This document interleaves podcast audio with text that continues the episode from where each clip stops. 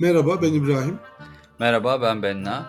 Arkadaşlar Ornitoring'in yeni bölümüne hoş geldiniz. E, bu bölümde konumuz toplumdaki ahlaki çöküntü. Bunu incelemeye çalışacağız, bunu konuşmaya çalışacağız. Belki bunu bir seri podcast yayını haline getirmeye çalışacağız ilerleyen dönemde. E, gündemin sıcak konusu yaşadığımız bir felaket, deprem. Buradan yola çıkacağız. Aslında ilk adımı oradan atacağız. Ama bizim asıl konuşacağımız konu e, toplumdaki ahlaki durum, ahlaki çöküntü. E, İbrahim hoş geldin sen tekrardan. Ee, hoş bulduk. Ee, deprem sonrası ilk kaydımız. Bir süredir herkesin olduğu gibi bizim de bir şey yapasımız yoktu. Ne kayıt yapacak ne bir şey yayınlayacak halde değildik. Dolayısıyla biraz biz de ara vermek zorunda kaldık. Ama bir şekilde hayat devam ediyor. Yaralar sarılmaya çalışılıyor. Biz de elimizden gelen desteği hem süreçte deprem anında yaptık. Bir yandan da daha uzun vadeli çözümler için bu konuların konuşulması, farkındalığın oluşması gerekiyor. Ee, bizim de en iyi yapabileceğimiz şeylerden bir tanesi herhalde bu konuları tartışıp farkındalık oluşturmaya çalışmak. Tabii oraya geçmeden önce de depremde yakınları kaybedenlere başsağlığı diliyoruz. Geçmiş olsun. Çok büyük acı. Yani zaten bu süreçte herkes podcast dinleyen herkes eminim yeteri kadar deprem haberine, röportajına e, maruz kalmıştır. Ve artık bende oluşmaya başladı bir direnç, e, depremle alakalı bir yazı, bir başlık görünce artık psikolojik olarak kaldıramıyorsun ve otomatik olarak atlıyorum o yazıyı, videoyu, podcast'ı artık her neyse. O kadar fazla şeyler, o kadar fazla aynı şeyler konuşuldu, o kadar fazla gözümüze sokuldu ki artık bizim de bunları söylememize, bizim de aynı şeylerin etrafında konuşmamıza çok gerek olmadığını düşünüyorum. İşin uzmanları ya da uzman geçinenleri yeteri kadar konuştular zaten. Bizim çok fazla yeni bir şey söyleyeceğimiz yok herhalde burada değil mi Bedna? Tabii çok büyük bir dram aslında bu. Ee, böyle bir dram yaşanmamalıydı. Genel kanaatim bu. İlk gün söylediğim ilk şey buydu. Yıkılmamalıydı. Yıkılırsa oraya gidemez demiştim. Öyle de olundu. Ama bunu konuşmanın artık gerçekten manası yok. E, çünkü bizim önümüzde çok daha büyük bir sorun olduğunu düşündüğüm bir şey var. Zaten ben açılışı oradan yaptım. Ben çok kısa bir şeye gireyim. Biz ikimiz de Kocaeli'yiz. E, 99 depreminde de o ikimiz de 11 yaşındaydık. Benna Kocaeli'deydi, ben Bursa'daydım. Hani o zamanlar tanışmıyorduk ama oradaki durumu ve çaresizliği hatırlayınca, arkadaşlarımızı, eşi, dostu, komşuyu hatırlayınca bugün yapılanları birazcık daha aklı başına gelmiş insanlar artık 30'ların ortasındaki insanlar olarak görünce üzülmemek, sinirlenmemek, hayıflanmamak elde değil. Ama bir yandan da işte yapabileceğimiz şeyler de sınırlı. Gücümüz yettiğince iyileştirmeye biz de herkes gibi çalışıyoruz. Ama bizim konumuza döneyim. Olmamalıydı yani yıkılmamalıydı. Deprem olacak, deprem oldu. Yine olacak. Yani hala oluyor. Sürekli günde 4-5-4-5 oluyor. Türkiye coğrafi olarak böyle bir bölgede. Bunun dezavantajları, avantajları var. Değiştirebileceğimiz bir şey değil. Yakın zamanda da duracak gibi durmuyor bu depremler. Yakın zamandan kalsın birkaç yüzyıl, bin yıl belki. Biz ne yapabiliriz? Biz ne yapmalıyız bunda? İlk olarak aklıma gelen şey depremi durduramayız. İmkansız. Önceden haber almamız ne kadar işe yarar? Yani uykusu ağır bir insana sen istediğin kadar deprem alarmı kurdurt telefonda yani. Gece dörtte olacak depremde o insan uyanacak da binadan kaçacak da. Bunun tek yolu bina yıkılmayacak. Yani yıkılmayan ülkeler, yıkılmayan binalar var. Ülkeleri geçtim. Aynı aynı bölgede yıkılmayan binalar var. O binanın yıkılmaması gerekiyor. Bina neden yıkılıyor sorusunu sorduğumuzda da bizim bugünkü konumuz olan ahlaki çöküntüye geliyoruz. Çok doğru. Ben de son bir şey ekleyeceğim. Senin sözlerine ilave olarak. Kabul edilebilir bir durum değil. Yani hangi açıdan bakarsak bakalım kabul edilebilir bir durum değil mantıki açıdan baktım, matematik açısından baktım, teknik açıdan baktım. Yani bakabileceğim her açıdan baktım ve gerçekten kabul edebileceğim bir şey değil bu durum. Ee, ve ama bu durumda oluyor olmamızın sebebi maalesef bizim toplum olarak bunu tırnak içinde söylemeyeceğim. Gerçekten bağıra bağıra söyleyeceğim. Ahlaksız oluyor şumuzdan kaynaklanıyor. Biz ahlaksız bir toplumuz. Bir defa bunu kabul etmek gerekiyor. Yani bu şey değil. Bakın e, işte adam demirden çaldı, malzemeden çaldı, işte belediye iskan verdi, hükümet imar affı çıkardı. Bunlar değil bakın. Biz kökten ahlaksızız. Yani dürüst değiliz. Burada bir araya gireyim Hı hı. Benna. Şimdi kökten ahlaksız, demirden çaldı, şöyle yaptı, böyle yaptı diyoruz ya. Şimdi insanlar genel olarak müteahhitleri suçlama eğilimindeler ki müteahhitleri pek çoğunun savunulacak bir tarafı da yok açıkçası. Ama burada bence dikkatlerden kaçan şey bir günah keçisi arama yanlışlığı. Evet müteahhitler suçlu, evet çalıyorlar, evet yani su- Araya bazılarının girebilir hiçbir... miyim? Şunu düzeltmek istiyorum özellikle. Bir günah keçisi arama yanlışlığı değil bak. Günah keçisi arama ahlaksızlığı bu. Ya bu bir ah- işte sorun bu. Bakın binlerce insan hayatını kaybediyor. Biz hala birine ihale etmeye çalışıyoruz bu suçu. Evet, Bir başka mesela yine ahlaksızlık örneği vereyim bu program içerisinde. Deprem oldu. Ev kiraları zamlandı abi ülkede. Ya bu kadar ticaret anlatabiliyor muyum? Bu ev denen şey bu kadar ticaret yani. Malatya'da deprem bölgesinde yıkılmayan bir ev, TOKİ konutları yıkılmamış. Adamın biri çıkıyor ve kirayı 9 bin lira yapıyor. Asgari ücretin 8500 lira olduğu ülkedeyiz. Deprem bölgesindesin. Sen nasıl bunu yaparsın? Şimdi adamın evini 2 sene mühürlemişler. Abi bence yıkın ya. Adamın elinden hatta o evi o adamın elinden almak lazım yani. Ya bu kadar sert tedbirlere ihtiyacımız var bizim bu konuda. Başka konular için de belki akışta konuşacağız. Bayağı Yani bir şey yani. konusunda yıkı, yıkma konusu tabii ki biraz sen gaza geldin uçtun gittin ama şey konusunda şimdi ismini hatırlayamadım bir tane siyasi güzel bir örnek veriyordu. Yani evet insanların bir evi olması lazım şart yani bu yaşam hakkı, barınma hakkı en basit en temel haklar. Hadi ikinci de olsun biz hani yazlık kışlık hani ayrımını yapalım. Hadi maddi durumun birazcık iyi diyelim. Sana ikinci evde olsun. Ama üçüncü evden sonra bir zahmet çok ciddi bir vergi yükün olsun. Oradan kira kazanmak istiyorsun kazan ama o kir- kirayı kazanma değmeyecek kadar bir kira kazan. Yani dördüncü evi mi aldın artık yani yani zarar etme tamam dördüncü beşinci evin olsun ama yani çok ciddi vergi yüküne gir ki bu senin için artık kul bir yatırım aracı olmaktan çıksın. Abi hikayeleri duyuyoruz görüyoruz hani zengin zengin insan atıyorum adam İran'dan gelmiş 100 tane ev almış İstanbul'un bilmem neresinde. Yani yine bir örnek. Herkes eminim ki çok yakından duymuştur, şahit olmuştur. Abi X köyünde, X tarlasında bir arazi var. İmara açılacakmış. Nereden duydun? Belediye öncümeni söyledi. Bir bakıyorsun araziye, belediye öncümenleri hepsi 100'er metrekare, 500'er metrekare kapatmış arazide. Bakın sadece bir yapı konusundan şu an gidiyoruz ama deprem sıcak konu olduğu için maalesef bu konuya biraz sıkışıyoruz. Belki açmak, biraz genişletmek lazım e, konuyu. Çok güzel bir örnek var. E, bunu da çok duyuyorum e, sosyal medyada. İşte bizim gibi aslında senin gibi, benim gibi, e, bizim gibi insanlar var yok değil. Hani ortada kalmaya çalışan, işte ne o tarafı ahlaksızlığını kabul eden, savunan, ne bu tarafın ahlaksızlığını kabul eden, savunan ortada kalan ama ortada kaldığı için de her iki tarafın da e, affedersiniz enkazının altında kalan insanlar var ve bu insanlar çıkıp konuşuyorlar ve diyor ki yani çok basit bir şey söylüyor. Bunu seninle ben de daha önce defalarca konuşmuştuk. Bu iktidardakiler ya da muhalefettekiler ya da yöneticiler fark etmez. Bunların imkanı var. Milyonları çalıyorlar. Abi senin imkanı yok. Sen 30 lira çalabiliyorsun. Ama aynı Evet. şey. Değişmiyor. Yani bugün bankaya gittiğinizde işte veya bir kuruma gittiğinizde o bankonun arkasından birini tanıyorsanız işiniz daha hızlı çözülüyorsa bu sorun. Bakın bu çok ciddi bir sorun. Öyle. Cuma namazı çıkışında dağıtılan lokumdan iki tane mi alıyorsun, bir tane mi? Çok ciddi bir ahlak turnusolu bence. Doğru. Yani pek çok alanda yani sirayet ediyor bu. Birkaç sene önce memlekette şöyle bir temizlik yapılmadı mı? Bu temizliği tırnak içinde söylüyorum. İşte devletin bazı kurumlarına soru çalarak giren insanlar temizlenmeye çalışıldı değil mi? Tırnak içinde yine. Bu tırnak içinde özellikle Evet. temizlik konusu. Böyle bir şey var ya bu ülkede. Böyle bir gerçek var. Soru çalıyorlar. Bu bir insanın geleceğini çalmak. E, Ne bileyim bugün işte bir mülakata giriyorsunuz. Hayatınız çalınıyor.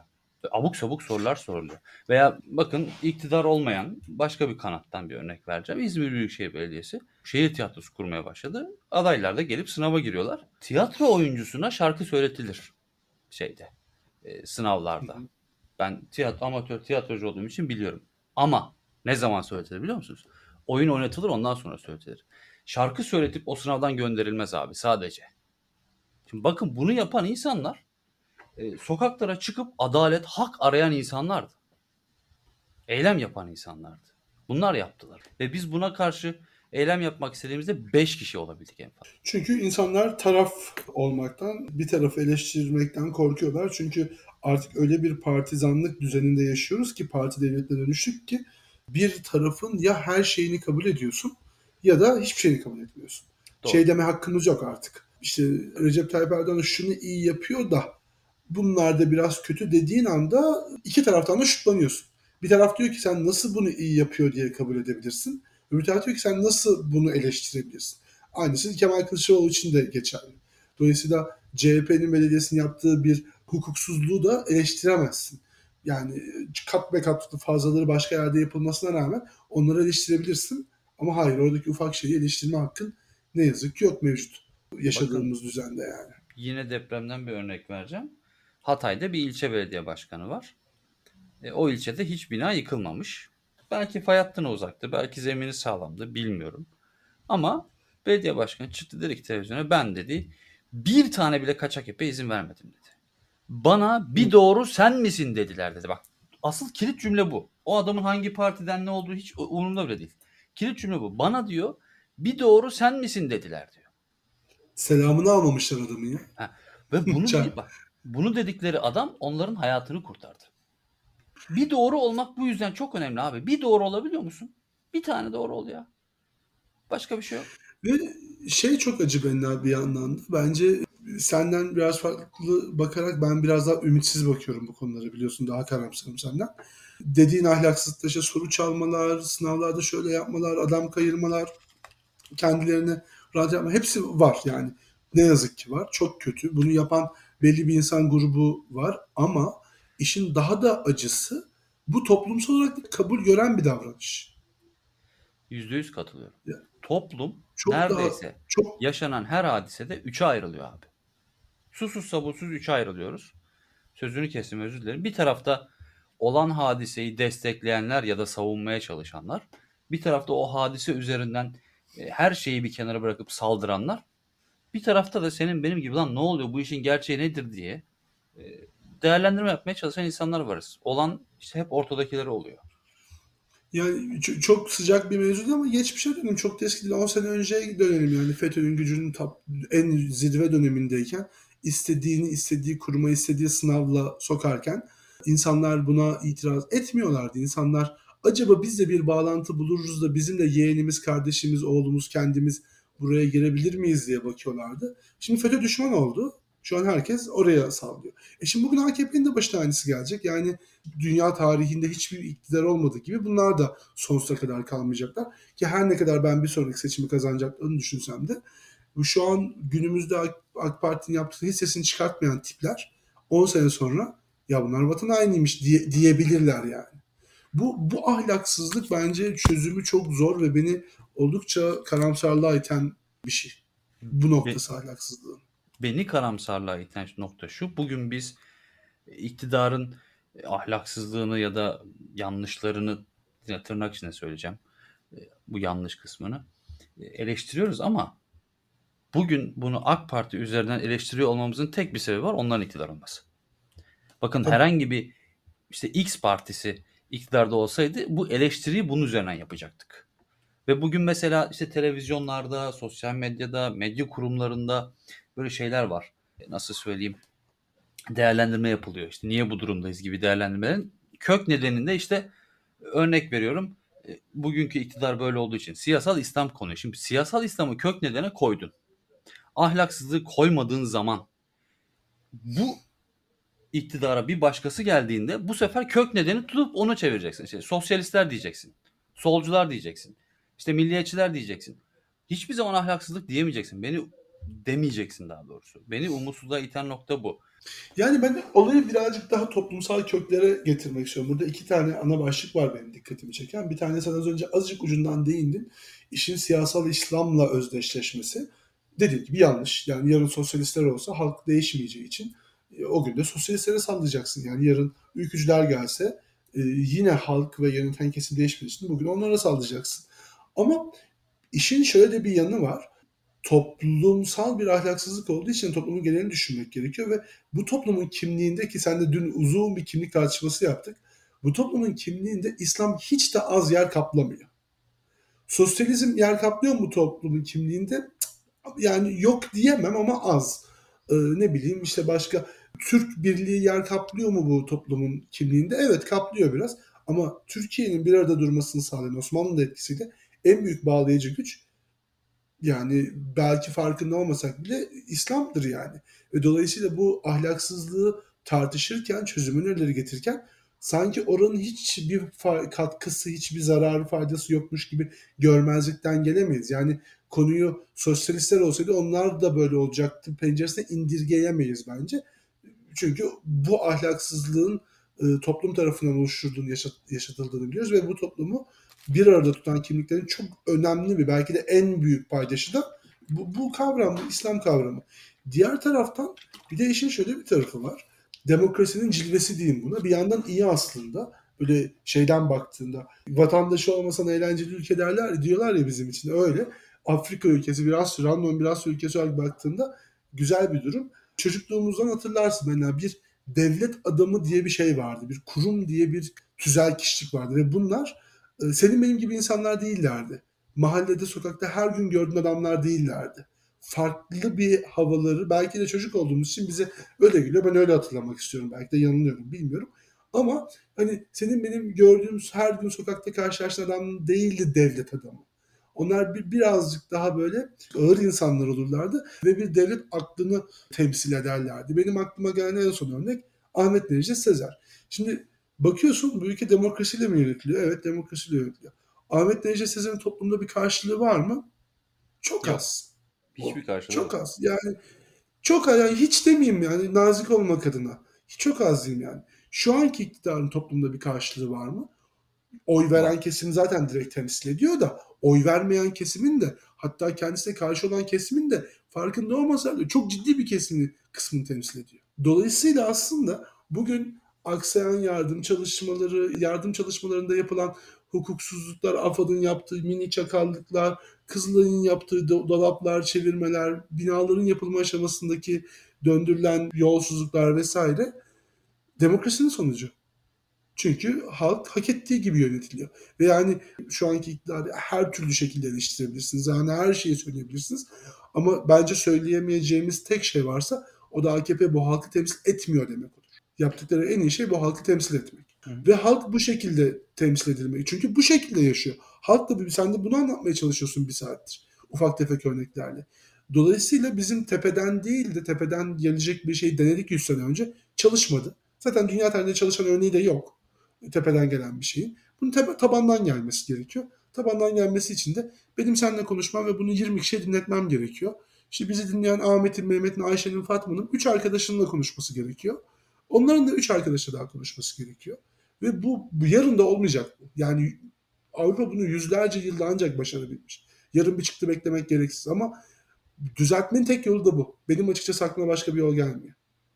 Yani yüzde yüz katılıyorum sana şu anda. Ender anlardan bir tanesini yaşıyoruz. Evet. Ee, şöyle bir örnekle ben bugünkü konuşmamı kapatayım. Ee, bu işte ahlaki problemin ne boyutta olduğunu biraz daha anlatabilmek açısından. Ee, bu arada dediğin çok doğru. Bizim toplumun en alt tabakalarına ulaşıp oradan bu işi yapmamız lazım. belki de şu andan itibaren, yarından itibaren e, bu ülkede iktidar kim olursa olsun yapması gereken ilk iş yetişkin eğitimini baştan ele almak insanları gerekiyorsa akşamları iş çıkışında sınıflara doldurarak işte neden yalan söylemenin kötü olduğunu baştan anlatmak gerekecek. Bana sorarsan ben iktidarda olsam yarın ilk iş bu kararnameyle yani bunu demokratik bir yolla da yapmam. Gayet baskıcı bir şekilde yaparım. Yalan değil. Ama hemen bunu yapmaya çalışırım. İlk iş çünkü niye yalan söylememeleri gerektiğini o yalanın dönüp dolaşıp kendilerine de e, zarar verebileceğini, gerekiyorsa materyalist, gerekiyorsa pragmatist, bütün yolları kullanarak anlatırım neden yalan söylememeli gerektiğini. Mesela bugün Avrupa toplumları yalan söylemekte bizden daha az olmalarının sebebi onların çok ahlaklı olmaları değil ama daha pragmatist olmaları. İşin gerçeği bu. Ama Yani işte bunu pragmatist bir yolla mı yaparız? Materyalist bir yolla mı? Na- Nasıl yolla yaparsak yaparım bilmiyorum ama yarından itibaren bizim yetişkinleri sınıflara doldurup niye yalan söylememeleri, söylememeleri gerektiğini anlatmamız gerekiyor. Bir örnekle kapatacağım. Kendi tezimi yani işte bugün siyasal İslam var onu eleştiriyoruz. Solcu olsa onu eleştirecektik örneğini. Şöyle 1970 darbesi var Türkiye'de. Darbe tarihinde 70 diye bir darbe var. Bir tane Harbiye'nin komutanı. Adam Hı hı. darbe yapmak istiyor. Komutanlarını ikna edemiyor ve tek başına darbeye kalkışıyor. Bir emir komuta zinciri olmadan alttan gelerek. Ve bu adamı pohpohlayanlar, hadi yap şu darbeyi diyenlerin arasında, işte o kapalı kapıların arkasında gazeteciler, akademisyenler var abi. Bak askerler yok ha. Gazeteciler ve akademisyenler var. Düşünebiliyor musun? Böyle. Yani Ya çok da şaşırmadım açıkçası ben daha bu anlattığın. E, acı ama çok da şaşırtmadı. Yani yani şaşırmıyor olman zaten sıkıntı. Evet, Problemin evet, evet, kaynağı evet. o. Yani şaşırmıyor olmamız problemi gösteriyor bize. Dinleyenler şunu söyleyebilir bize. Ya konuşuyorsunuz da kardeşim biz zaten bunları biliyoruz. Ne anlatıyorsun diyebilir. Biz hayır. Bil, biliyorsunuz ama e, görmüyorsunuz. Göz ardı ediyorsunuz problemin aslını. Ya da siyasetin o sığ çerçevesinde tartışılmaktan artık televizyonlarda, sosyal medyada, şurada burada ideolojinin ve siyasetin sığlığından bu konu çok az konuşuluyor. Yani ben e, şu deprem hadisesinden beri herhalde son dönemde en çok televizyon izlediğim döneme denk geldik. E, İşte 10 program varsa 9.5'u işte bu sığ tartışmalarla geçiyor. İşte o 0.5'i ancak böyle bu ahlaki probleme değiniyor. Onu da sadece müteahhitin ahlaksızlığını anlatıyor. Ben de son sözlerimi söyleyeyim kap- kapatalım programı sonrasında. Ee, evet çok ciddi bir toplumsal ahlaksızlık durumu var. Ne yapalım durumu var. Yani evet anlatıyorsun anlatıyorsun da e durumu var. İşte bu aslında soru e sorusu çözümünde başlangıcı. Biz zannediyoruz ki hep bizim dışımızdaki olaylar yanlış gittiği için böyle oluyor. Yani sen Benna olarak veya ben İbrahim olarak kişisel hayatımızı, günlük yaşantımızda toplum bize mal dese bile doğru yaşamaya başlarsak eğer bunu dinleyen kişiler de böyle yaparsa belki bu bulaşıcı hale gelme ihtimali var. Olacak demiyorum. Böyle bir ihtimal söz konusu olabilir. Diğer senaryoda hiçbir kurtuluş yok. Ama sen hukuksuzluk yapmadın. Hukuksuzluktan kastım işte ikinci evin varsa depremden sonra bunu 10 bin liraya çıkartmadığında böyle minik ufak tefek günlük hayatını kolaylaştıracak çakallar, çakallıklar yapmadığında bunun topluma yayılma ihtimali var. Bence yapabileceğimiz tek şey de bu gibi geliyor herkes 10 kere duymuştur. Benim tekrar detay vermeme gerek yok. İnsanlar evlerini incelettirtmiyorlar ya çürük çıkarsa diye. Ya ölüme Sonra- razı oluyor değil mi? Bak Evet. ölüme yani razı oluyor bu- yalan söylemek uğruna. Çok ilginç gerçekten. Ve e, yine yani herkes eminim farklı farklı yerlerden duymuştur, görmüştür. Ya hayır arkadaşlar bu önemli bunu inceletmemiz lazım diyen aynı binanın, sitenin artık her neyse sakinini de marjinalize ediyorlar. Dışlıyorlar. Yani toplum hem dürüst değil hem ahlaksız hem de ahlaklı birine de alerjisi var. Bu, bu, çok, bu böyle tüylerimi diken diken edecek kadar beni karamsarlığa sürükleyen bir şey. Ama şöyle bir şey var. Ahlaksızlık bak o kadar sirayet etmiş ki ahlaklı olmak ahlaksızlık gibi duruyor. Anlatabildim mi? Yani doğru bir şey yapmaya çalışıyorsun seni yadırgıyorlar. Yani bu evet problem ama yapacak bir şey yok. Bunu konuşacağız, bunu anlatacağız. Çünkü hani biz bu yola çıkarken de hani belki bir kişiyi bile yine ikna edebilirsek, inandırabilirsek demiştik 3 sene öncesinde. Ee, yapacak bir şey yok. Yolda ümit olmadan, umut olmadan yürümek mümkün değil. Bir umut bulacağız sarılacak. Bir mücadele gücü, bir kuvveti bulacağız. Onunla devam edeceğiz anlatmaya. Bunun başka bir yolu yok.